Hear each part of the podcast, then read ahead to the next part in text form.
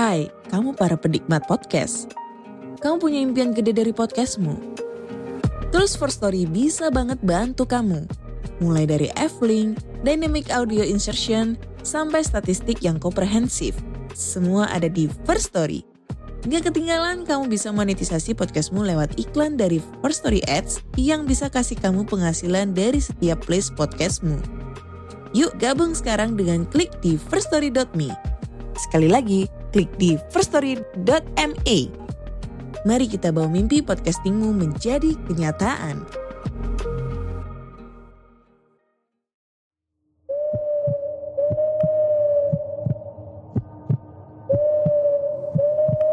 Pogo FM, listen on the go.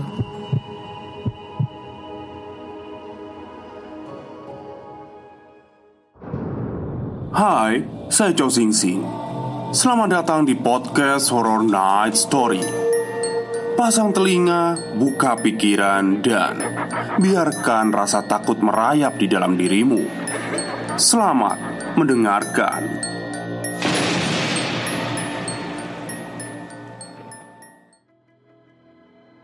Assalamualaikum warahmatullahi wabarakatuh. Halo semuanya.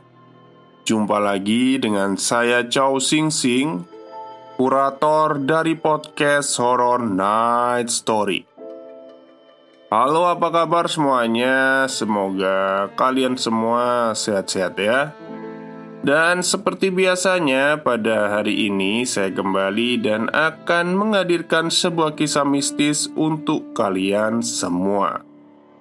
Kisah mistis kali ini saya datangkan dari treat horornya Mas Indrawan yang menceritakan tentang sebuah kisah seorang pengasong koran. Oke, daripada kita berlama-lama, mari kita simak ceritanya. Kisah yang akan saya tulis di bawah ini merupakan suatu peristiwa nyata yang terjadi di salah satu kota di Pulau Kalimantan beberapa tahun yang silam.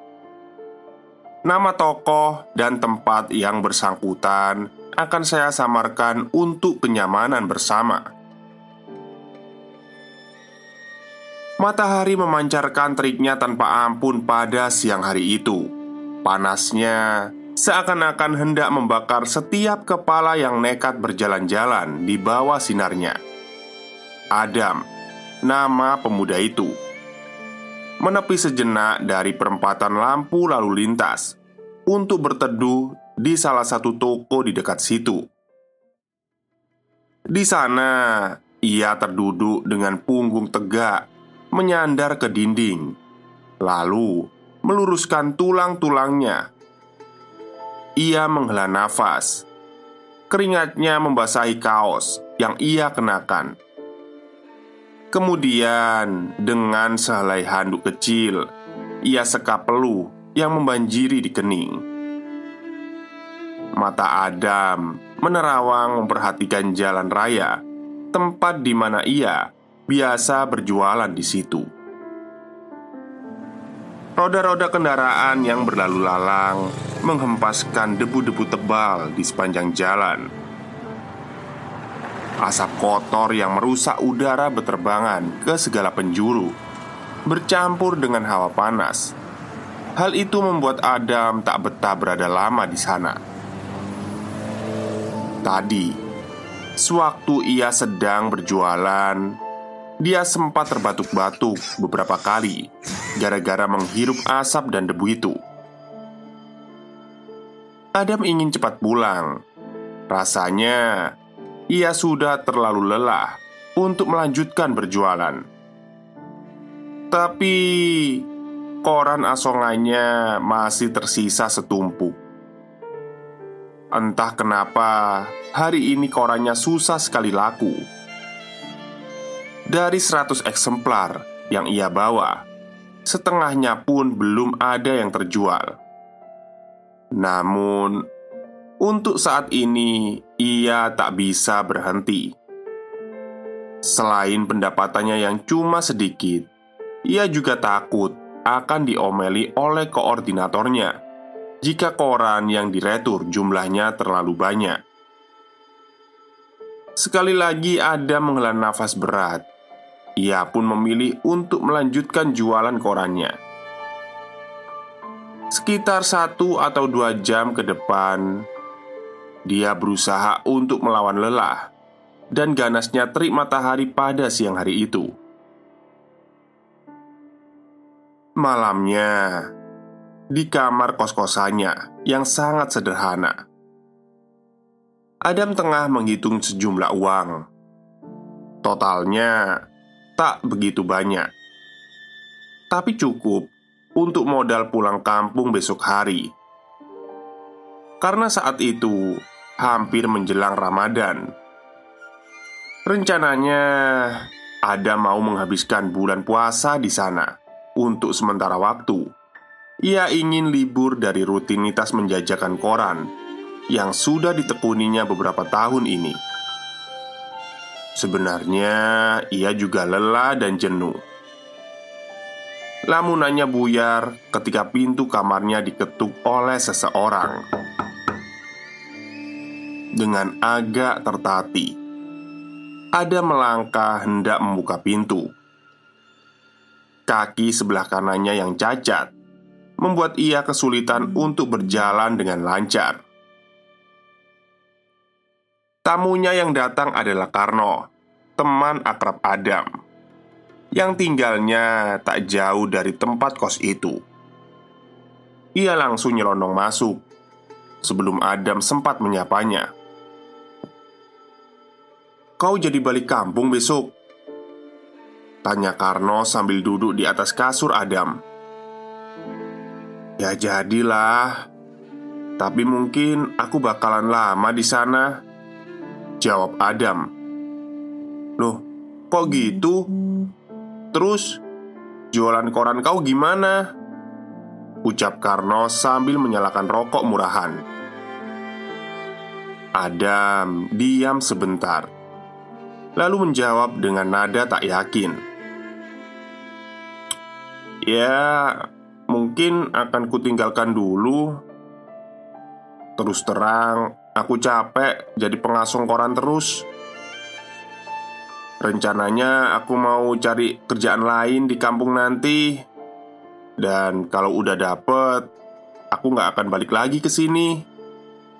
Karno hendak bicara lagi, tapi Adam keburu menimpali. Udahlah, nggak usah dibahas lagi. Omong-omong, kau ngapain ke sini? Karno cengengesan. Katanya kau mau ngajak aku makan nasi goreng di depan gang Ucapnya Hah?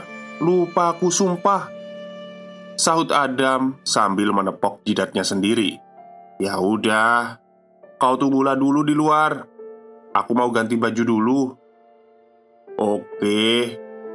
Tapi Motor kau biar aku yang bawa ya. Mana kuncinya? Sekalian mau aku panaskan dulu. Pinta si Karno. Diraihnya kunci motor yang diserahkan Adam. Dan tak lama kemudian Keduanya berboncengan. Menaiki motor menikmati suasana di malam hari itu Tiga hari telah berlalu Di pos jaganya Seorang satpam Yang biasa dipanggil dengan nama Pak Malik Tengah menahan kantuk yang menyerang Entah sudah berapa kali mulutnya menguap lebar. Wajar ia mengantuk. Saat itu memang sudah hampir pukul 2 pagi.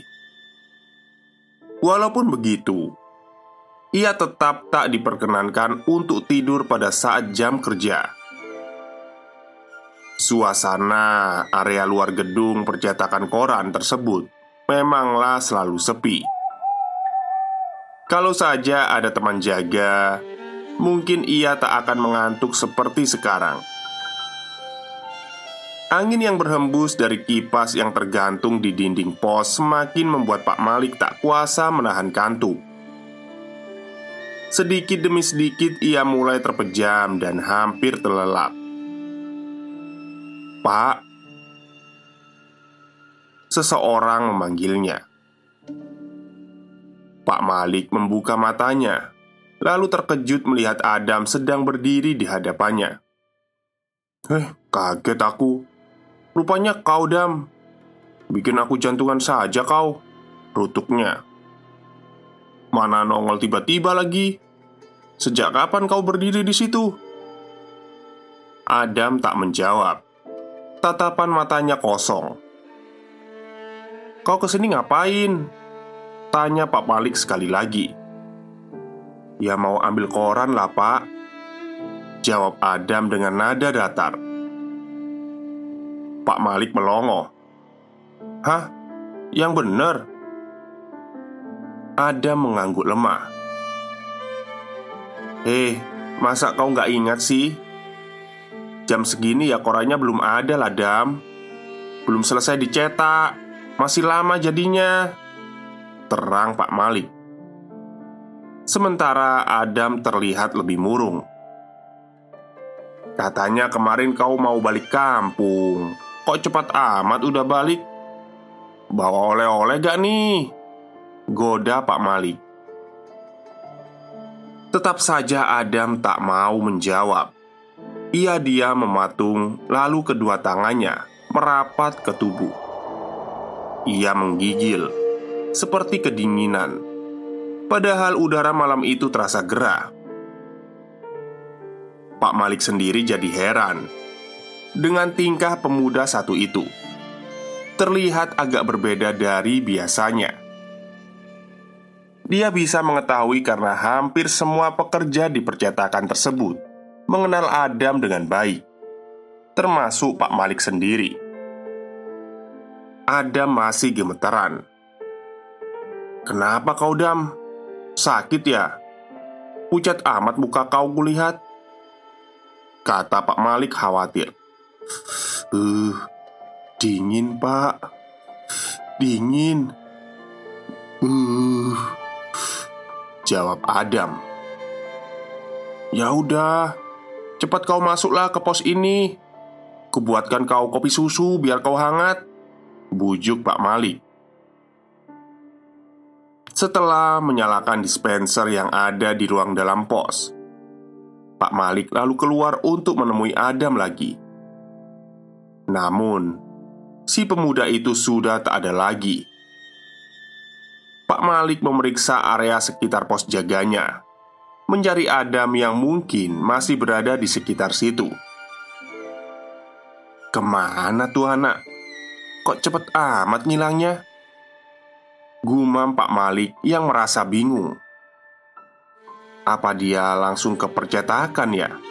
Duga Pak Malik Namun Setelah dicari sampai ke sana Ia tetap tak menemukan Adam di tempat itu Para pekerja juga tak ada yang melihatnya lagi Gak mungkin juga ia ke sini. Pak Malik mulai bingung Masa sih?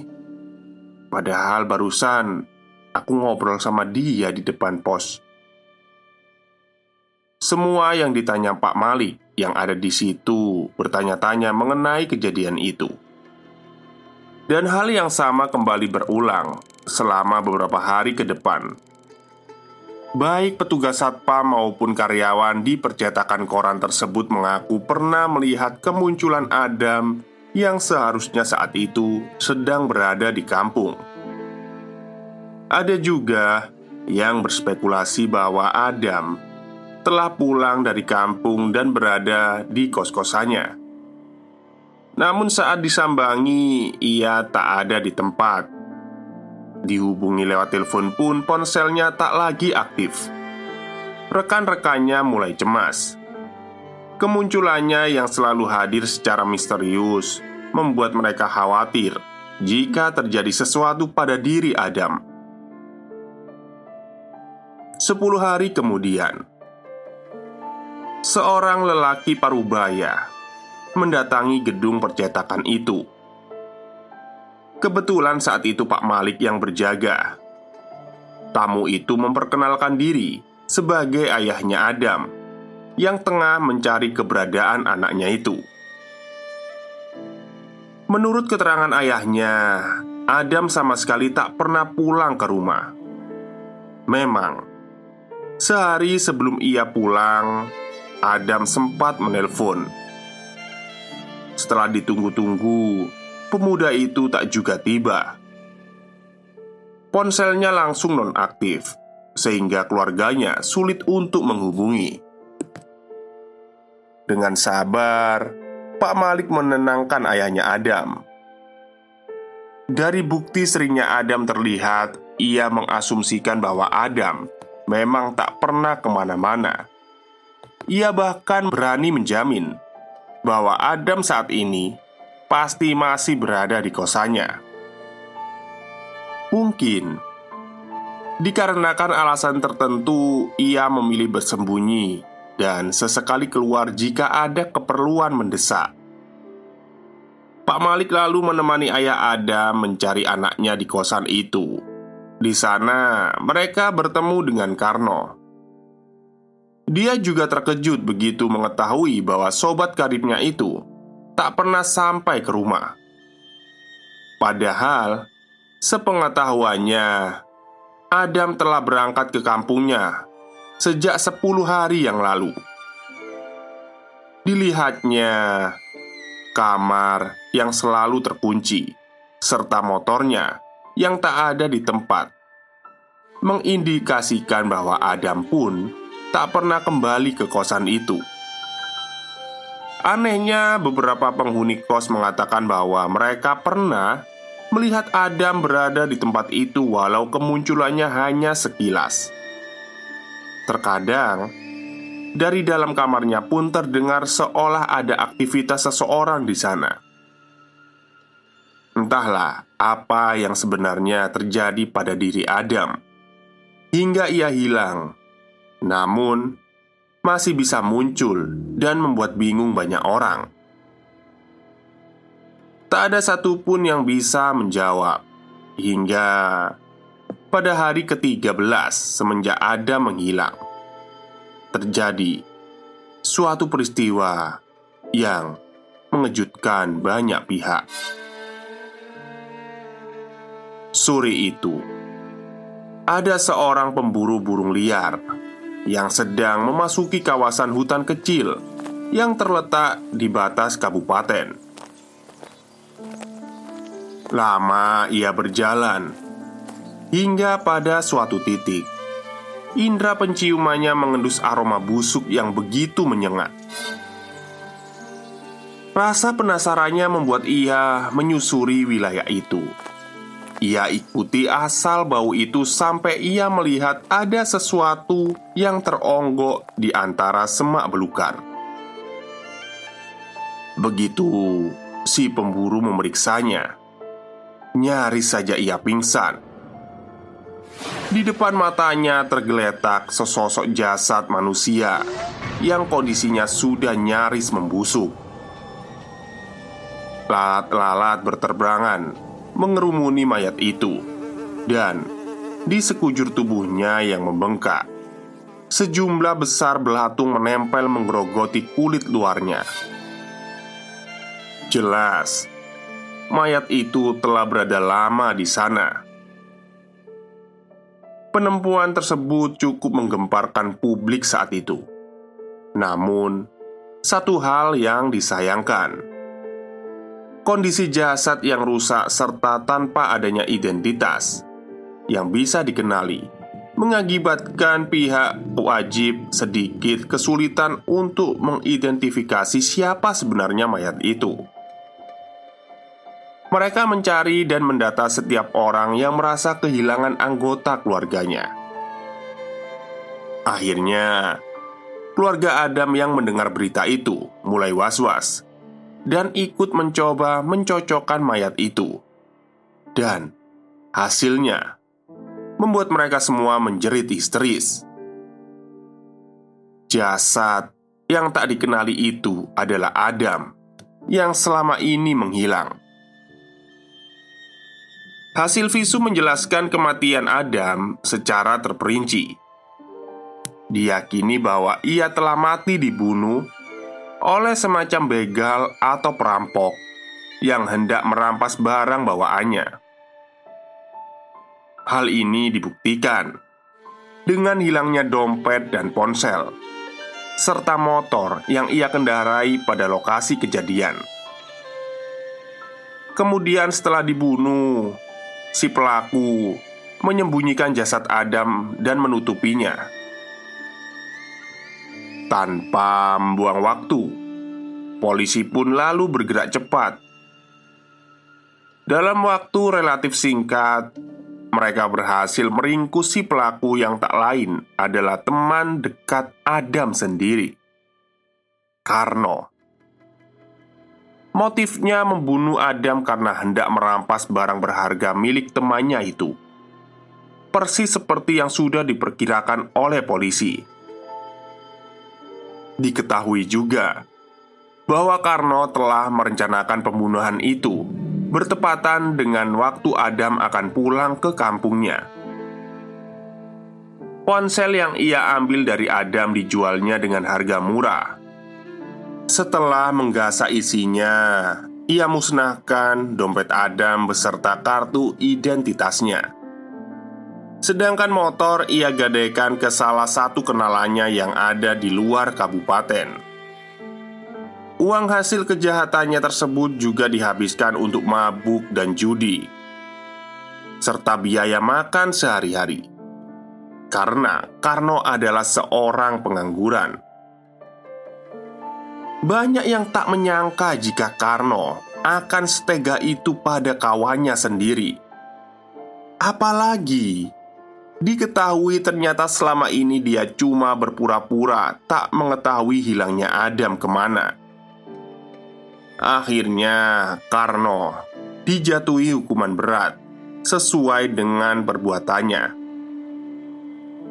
Kasusnya memang sudah selesai, namun masih meninggalkan sesak dan pilu, terutama pada pihak keluarga Adam yang tak pernah mengira pemuda itu akan pergi dengan sedemikian rupa. Mereka mengatakan bahwa sosok mirip Adam kerap kali menampakkan dirinya di rumah Kadangkala pada malam-malam tertentu, mereka juga mendengar suara seseorang menangis yang diduga itu adalah tangisan Adam. Kematiannya yang tak lazim disinyalir sebagai penyebab arwahnya menjadi penasaran hingga bergentayangan di dunia ini. Sementara di percetakan tempat Adam biasa mengambil koran semasa hidup dulu Konon, sosoknya juga sering kali terlihat muncul di sana. Saat ini, percetakan koran tersebut memang telah lama tutup karena bangkrut. Namun, sosok Adam masih tetap menghantui tempat itu. Matanya menatap jauh ke depan dengan pandangan kosong. Lalu, ia menangis meratapi akhir hidupnya yang begitu tragis. Selesai. Sekian cerita untuk kali ini. Semoga kalian semua bisa terhibur. Oke, itulah tweet singkat yang ditulis oleh Mas Indrawan ya mengenai kasus pembunuhan yang menimpa seorang pengasong koran. Ya, sebenarnya kasihan juga ya. Dan saya juga nggak nyangka ternyata teman dekatnya sendiri yang menjebak dia, yang apa, membunuh dia ya, karena menuruti nafsunya sendiri. Gitu. Maka dari itu, kita juga harusnya bisa berhati-hati terhadap orang terdekat kita sebenarnya ya. Karena bisa jadi orang dekat kita itu yang malah bahaya. Ya tetap waspada gitu aja sih. Oke mungkin itu saja cerita dari saya pada siang hari ini. Semoga kalian semua suka Selamat siang dan selamat beristirahat